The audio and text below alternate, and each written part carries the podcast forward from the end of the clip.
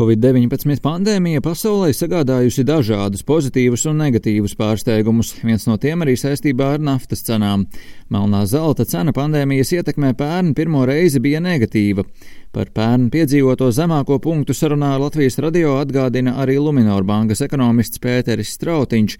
Raksturojot aizvadīto gadu, ekonomists gan nemin, ka naftas cenu svārstības varētu salīdzināt ar amerikāņu kalniņiem.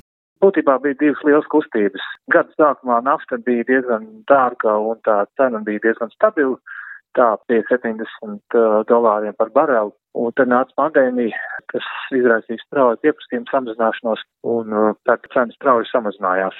Brent barelu cena nokrita zem 20 dolāriem par barelu. Ir uh, droši vien visiem zināms slavenais notikums Amerikā, kur VTI, West Texas Intermediate naftas cena viens brīdi kļuva negatīva jo nebija kur to noglabāt. Kopš naftas cena pasaulē sasniedza zemāko punktu, pērna vasaras sākumā tā bija atguvusies un divkāršojusies, svārstoties ap 40 ASV dolāriem par barelu.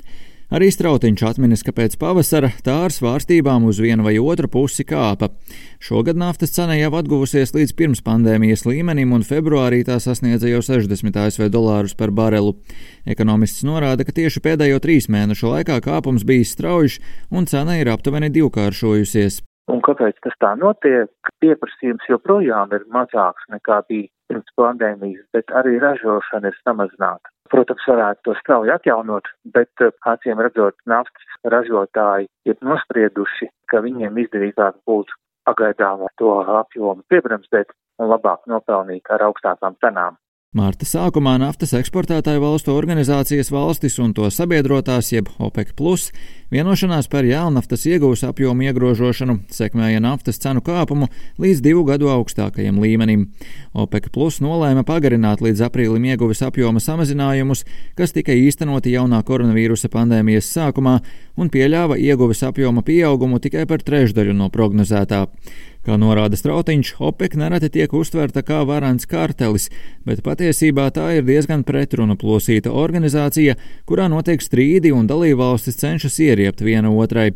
Organizācijas spēja ietekmēt cenu gan nesot ļoti liela, tomēr tagad tai izdodas cenu kāpināt. Tur gan noteikti būs vairākas pretreakcijas. Viena no tām atkal var pieaugt slānekļa naftas ražošana, Tas ir iemesls, kāpēc Saudarābija, kas ir uh, galvenā opta dalībniece, parasti ir centusies izvairīties no tādiem krasiem cenu kāpumiem, bet iespējams kaut kas mainījies. Varbūt tagad lielie naftas eksportētāji ir nosprieduši, ka naftas laikmets jebkurā gadījumā tuvojas beigām. Un varbūt tagad ir jāņem viss, ko var paņemt, kamēr vēl ir. Īsā laikā gan pieprasījums pēc naftas nekur nepazudīs, paredz Luminora eksperts, piebilstot, ka naftu tik viegli aizstāt nevar.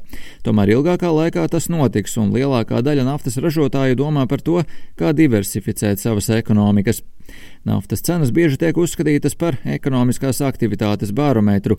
Skaidrojot to, kāda varētu būt dinamika nākotnē, Luminora ekonomists Strautiņš norāda, ka naftas cenu prognozēšana ir riskanta. Viens no bijušajiem Exxon mobilu vadītājiem teica, ka mēs esam gadu desmitiem mēģinājuši paredzēt naftas cenu, un mums tas nav izdevies. Ir uh, skaidrs tas, ka šobrīd finanšu tirgi prognozē, ka naftas cena nākotnē pakāpeniski varētu samazināties. Vai tas tā būs tiešām, to mēs nezinām, bet uh, nākotnes darījuma cenas ir acīm redzams fakts un nākotnes darījumi paredz, ka dažu gadu laikā naftas cena atkal uh, tieksies pretī 50 dolāriem par barelu.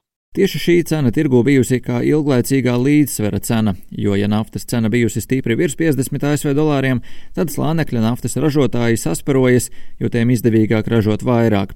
Tādēļ šobrīd tas, kas nosaka naftas cenu tirgu vidējā termiņā pēc strautiņa domām, drīzāk ir slānekļa naftas ražošanas izmaksas, nevis tas, ko lemj OPEC. Rihards Plūme, Latvijas radio.